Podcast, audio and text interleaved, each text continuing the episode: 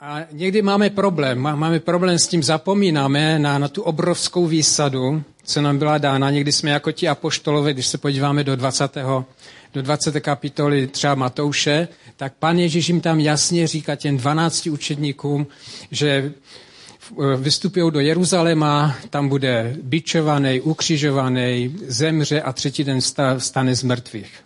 A po, téhleté informaci, když se podíváme dál do, do 20. verše, to je Matouš 20, 20, tehdy k němu přistoupila matka synu Zebedových se svými syny, klaněla se mu a něco o, o, o, pro ně, o, něco ho žádala. A co ho žádala? Chtěla, aby ten jeden její syn, Jan, se posadil na jednu, jednu stranu trůnu a druhý syn Jakub, aby se posadil na druhou stranu trůnu. Jeden po pravici, druhý po levici. A když se podíváme na reakci ostatních apoštolů, těch deseti, tak oni neříkají, co blbnete. Vždyť se tady jedná o větší věci, než nějaké o pozemské věci. Ne, oni, oni jim to vyčítali.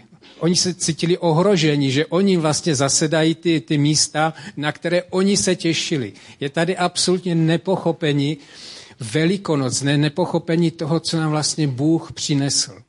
A pokud jsme tady na tomto místě a můžeme se zastavit a zamyslet se na to a nebyt součástí právě takové té, té nějaké clony, kdy člověk si neuvědomuje, co získalo během těch velikonoc. Bylo obrovské takové antré, když Bůh se narodil, když Ježíš se narodil, díváme se do Lukáše, že najednou se rozzářilo nebe a anděle zvěstují, že že jim zvěstují radostnou zprávu, velikou radost a ta radost se naplnila o velikonocích. Ta radost se naplnila o velikonocích a zase to bylo, zase to bylo takové, takové velice působivé, když v chrámu, který byl jeden z, z divů světa tehdy, se roztrhla opona a bylo dokonáno, že Ježíš dokonal. A co dokonal? Dokonal to, že náš život tady nekončí. A pokud my se tady můžeme na to upnout, pokud my se na to můžeme soustředit, tak si to můžeme užít. Můžeme opravdu být radostní a ta radost, aby nám dávala sílu na té cestě. A taky je důležité mít ten správný důvod, když jdeme za Ježíšem. Věřím, že nikdo tady není, že na nikoho z vás se nestahuje slovo z 15. kapitoly Korinským, kde, kde se píše, že pokud máte Krista jen pro tento život, jste nejubožejší ze všech lidí. A my si můžeme užít Krista, ten rozměr, ten rozměr, který přesahuje všechny ty věci, všechny starosti, které nás trápí. A můžeme se těšit. Můžeme se těšit na to, co nám Bůh připravil v nebi. Ale musí to být reálné. Aby to bylo reálné, tak musíme se modlit za to, Bože, zjev mi to. Musíme za tím jít, podívat se do, do našeho srdce. Máme tam, máme ve svém těle put sebezáchovy. Všichni známe tělesný put sebezáchovy. Už jsme byli třeba v nějakém nebezpečí a ten put sebezáchovy se ozve. Začneme, uvolní se nám adrenalin a začneme bojovat. Ale máme taky duchovní put sebezáchovy, a když máme ty dva pudy, který z těch pudů je silnější, ten tělesný pud sebezáchovy nebo ten duchovní pud sebezáchovy? Tělesný. Nevadí, nevadí. Kvůli tady tomu jsme, abychom se otevřeli pro moc, pro boží moc, aby se nám otevřeli všechny ty smysly, kterým to můžeme vnímat. To nebeské království. Pan Ježíš říkal, že on je, on je vlastně tím žebříkem, které který můžeme přirovnat, když pan Ježíš říká Nikodemovi, že uvidíte větší zázraky, vystupovat anděli, vystupovat a sestupovat na, na syna člověka. Vždycky jsem si říkal, jak je to možné, jak, jak si to mám představit, že anděle vystupují a sestupují na, na syna člověka. To je mimo moji představu. Potom se člověk podívá do starého zákona a vidí tam Jakubův žebřík a tam sestupují a vystupují anděle. A to je vlastně propojení země a nebe. A my jsme na místě, že tady je propojené nebe ze zemí. Protože kde se dva nebo tři sejdou, tak pán Ježíš je uprostřed nich. A tam, kde je pán Ježíš, tam je propojené nebe Nebe se zemí. A abychom to vnímali, abychom se otevřeli pro té nebe, abychom se otevřeli pro věčnost. Jsou velikonoce. Otevřeme se srdce pro věčnost. Vnímej, vnímejme to, že náš život je věčný. Máme to v Biblii. Samozřejmě, když jsou to důležité věci pro naše rozhodování, pro náš řebříček hodnot v životě, na čem opravdu záleží, na, na čem nezáleží. Takže to potřebujeme mít podložené božím slovem. A když se třeba podíváme do, do Jana, do 12. kapitoly. Ta 12. kapitola je docela taková, když se, když se nad ní zamyslíte, když si ji přečtete, tak tam je to napětí. Tam je to napětí mezi tím pozemským životem a těmi hodnotami a těmi, těmi hodnotami věčného života. A já přečtu jenom poslední verše z té 12. kapitoly, Jan 12, 49 až 50.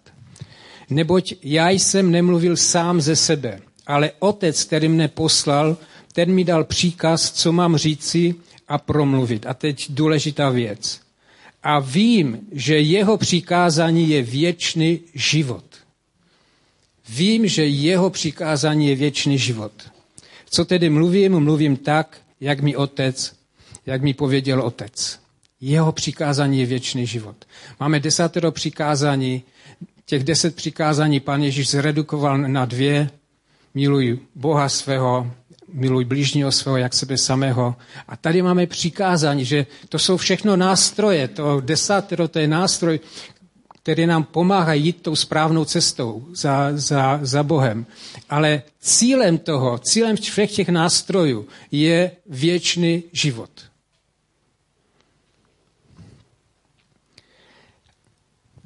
A potřebujeme, když, když nad tím přemýšlíme, tak kromě toho, že se člověk může podívat do, do, do Daniela, do 12. kapitoly, kde se píše, že jedni budou navěky zatraceni v hanbě a druzí budou zářit jako hvězdy, anebo do Joba, když Job říká, že i kdyby moje tělo sežrali červy, já vím, že ho uvidí, moje oči ho uvidí. A třeba hodně silné, to je v 2. Korinským, v páté kapitole. A teď vám to přečtu, je to pátá kapitola od 1. do 10. verše, ale pokud nemáte teď u sebe slovo na cestu, tak si to nečtete. Protože tam to je asi podle mě úplně nejlíp vystižené. Víme přece, že až zemřeme, ožijeme znovu v lepší a konečné podobě. Toužíme potom a zároveň kolisáme, protože bychom se rádi vyhnuli umírání a vstoupili přímo do nesmrtelného života, k němuž nás Bůh už nyní připravuje, jako záruku nám dal svého ducha. Proto se můžeme důvěřivě těšit na náš nebeský domov, ve svých tělech tu vlastně žijeme v cizině, daleko od své vlasti, kde nás očekává Kristus. Nevidíme ho, ale jsme s ním spojeni vírou, proto s plnou důvěrou a rád opouštím třeba hned toto tělo, abych získal domov u svého pána. V každém případě však chci dělat to, co se líbí jemu. Ať už to znamená setrvat zde v cizině, nebo se vydat do své vlasti. Na ničem jiném totiž nezáleží. Tak jako tak se nakonec všichni musíme postavit před Kristův soud, kde budeme každý na náš čin, dobrý i zlý, spravedlivě ohodnocen. To je realita nebe. A když máme Boží slovo, tak člověk zase hledá, hledá a já jsem vděčný, že to svědectví o, o nebi mám vlastně z první ruky. My máme nejstarší členku sboru Maršku Matulovou a o, její maminka zemřela, zůstalo osm dětí. Tatínek se si kleknul k té posteli a modlil se, bože, vrátí zpátky. A ona se navrátila. A maminka, když se vrátila zpátky, tak vyprávěla dětem a říkala, děti, nic, co je tady na zemi, nestojí za to, abyste přišli o to, co je v nebi a vyprávěla, jak tam byly zlaté ulice, jak, jak tam byla všechno, všechno nádherné.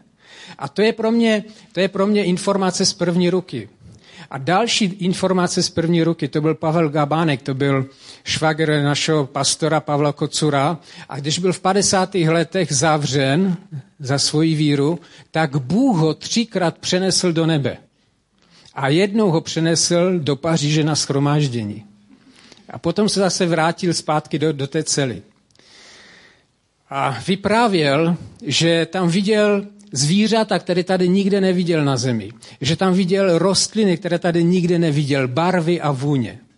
A to jsou informace z první ruky. A potom moje vlastní zkušenosti, když jsem se setkal s Bohem poprvé na elektrárně, tak najednou jsem věděl, že stojí přede mnou, že je celý bílej, že je čistý. A cokoliv jsem si pomyslel, tak mi hned přišla odpověď telepatickým způsobem. Hned jsem to měl v hlavě. Něco jsem řekl a hned přišla odpověď. Prostě jsem s ním komunikoval tímhletím způsobem. A potom na základě toho, jak Pavel Gabanek říkal, že když to prožil, když byl vytržený do nebe, jako i Pavel to píše ve svém listu, že byl ve třetím nebi, tak Pavel Gabánek potom hledal ve světě lidi, kteří, mají, kteří měli stejnou zkušenost. A dneska, jestli chcete hledat ty informace, tak je to spoustu. Spoustu a můžete se dozvědět spoustu zajímavých věcí. Ale pro mě Berna Mince je vždycky to, co koresponduje jednak s mojí zkušeností a jednak z těch, ze zkušeností lidí, které znám osobně. Nebo Pavla Gabánka, kterého jsem znal, znal osobně. A ještě jednu mám zkušenost s pánem, která koresponduje s těmi věcmi, lidmi, kteří byli v nebi. Byli jsme jednou na schromáždění, normální schromáždění začali chvály a najednou jsem prožíval boží přítomnost. A v té boží přítomnosti jsem byl naprosto nahej. Nešlo nic utajit. Nic. To bylo prostě, byl jsem jak ze skla a kdybych chtěl něco, něco skryt v sobě, tak to prostě v té boží přítomnosti prostě nešlo. A teď, když přicházejí ze světa zprávy od lidí, kteří byli v nebi, prožili třeba klinickou smrt, a ono se mi to kryje s těmi věcmi, o kterých jsem tady mluvil, tak mi to vlastně vytváří další obraz, že oni mluví o tom, že Bůh je absolutně čistý, světlo, neproniknutelné světlo, které prozáří veškerou špatnost a tak dále. Nic se nedá ukryt. Já jsem to taky zažil. Potom mluví, že když se setkali s panem Ježíšem, tak nemluvili normálně, ale byla tam ta komunikace, ta telepatická komunikace. Já jsem to zažil. Potom jeden pilot, který havaroval a při té havárii zemřel, tak eh, říkal podobnou věc jako Pavel Gabánek. Že byl v nebi, mluvil tam nějakým jazykem a potom, když se vrátil zpátky do těla, tak zase mluvil tím, ještě chvíli mluvil tím krásným jazykem. A Pavel Gabánek, když se vrátil zpátky z nebe do celé, tak říkal, ještě chvíli jsem mluvil tím zvláštním jazykem a potom to ustálo. Na Pavla Gabánka mám krásné vzpomínky, mi se strašně líbí, to bylo vlastně za, za totáče. A on to nahrával na, na magnetofonové pásky, ty, ty své zážitky z nebe a zážitky podobných lidí, které, které našel, kteří prožili stejné věci. A on tam tak důležitě říká do toho magnetofonu a tady je nahrávací studio Bratislava. A, a je slyšet v kuchyni, že tam jeho žena je nádobí. Jo rostomile, ale jako důležité pro nás, abychom se zastavili tady, jak jsme tady na tomto místě, abychom opravdu se radovali z toho, radovali se z naší budoucnosti. Abychom otevřeli srdce a, a, a řekli Bohu, pane, chci to víc, chci to víc poznávat, chci, aby v mém srdci byla věčnost. A nebo si můžeme otevřít Bibli Filipským Pavla, jak je ve vězení. On je ve vězení a v tom vězení je svobodnější než ti, kteří, v tom, kteří ho v tom vězení hlídají. Protože on říká jako, zemřít mu je zisk. Nevím, co, co by bylo lepší. Pro vás je lepší, abych zůstal a ještě vás vyučoval. Ale pro mě je lepší odejít a být s Kristem. A apoštol Petr, který se loučí v, druhém, v listě druhé Petrově, tak mluví o tom, že brzy jeho stan bude složen. Stan, smrt prostě bude složen stan. Nemá cenu prostě otročit tomu stanu. Nemá cenu otročit tomu stanu a, a dávat mu veškerou sílu a, a zaměřit si na ten stan, který bude brzy složen. To je svoboda. To je svoboda, která nám v Kristus dává. Jsme víc než tělo. Život je víc než tělo. Já se těším na tu nádhernou přírodu v nebi. A už mi je 62, už to dlouho nebude trvat. To je skvělý. Na, te, na to zlaté město. Bůh otevřel, otevřel ty dveře. Ote, otevřel to svým, svým skutkem, tím, že se za nás obětoval, otevřel to ve svém slovu a pořád posílal lidem na, na této zemi signály. Život smrti nekončí. Já když připravuju snoubence na svatbu, tak to využívám k tomu, aby jim říkal tu dobrou zprávu a varuji je. Jestli se nesetkáte s Bohem, tak vás čekají vratné lahve. Znáte ten film? O čem to je? Jako stáří bez Boha to je horor. A my nemusíme padnout do těch do té deprese vla, vratných láhví. A člověk se dívá na tu kulturu a kdykoliv to chtějí filmaři nebo někdo z té branže nějak uchopit to stáří, tak vždycky to vyzní trapně, je to prostě takové nějaké hořko kyselé. Není tam naděje, je to smutek. Ale my máme naději, živou naději. A ne živou naději, ale radost. Když jsme vyhrali Nagano, tak se lidi sešli na tom staromáku, aby tu radost sdíleli spolu, protože ta sdílená radost je větší radost. A co je Nagano proti věčnosti? A když jsme tady na tomto místě, tak bychom se měli právě sdílet tou radostí, že to je realita. Že nás čeká úžasná dovolená. Věčná dovolená. Že budeme proměněni, mě bude zase 30, já jsem docela hezký.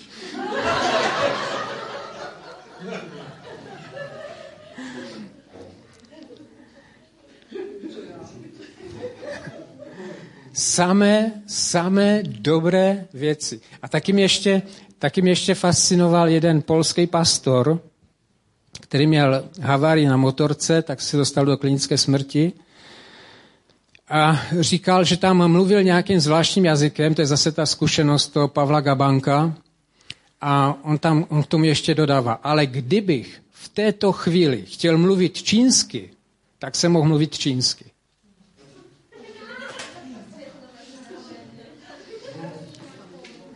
Takže to jsou všechny nejrůznější bonusy, které nás, které nás čekají, ale na, na, v, v písmu, jako když se díváme do písma jako do zrcadla, tak je tam určité, určité varování pro nás, protože když se díváme třeba na, na apoštoly, jak už jsem tady říkal, že, že Bůh jim jasně říkal, že, že vstane z mrtvých a když se to stalo, tak pro ně to, byla ne, to, pro ně to bylo nestravitelné. Když šli třeba ženy od hrobu a říkali to apoštolům, tak oni jim nevěřili. Měli za to, že se zbláznili. Přitom jim to několikrát řekl, že vstane z mrtvých. Na to bychom si měli dát pozor, jestli i v nás není nějaký blok. A nebo když šli ti dva učedníci pana Ježíše do Emaus a je tam napsané, že v tom dní šli do Emaus. V jakém dní šli do Emaus? Šli v den vzkříšení šli z toho místa, z nejdůležitějšího místa na zemi, z nejdůležitějšího místa, z nejdůležitější události na zemi v dějinách lidstva. A oni jdou do Emaus. Nejdeme taky do Emaus? Někdy? Nebo jsme v Jeruzalémě, nebo jsme na tom místě, kde je vzkříšení, nebo jsme tam, kde je realita věčnosti.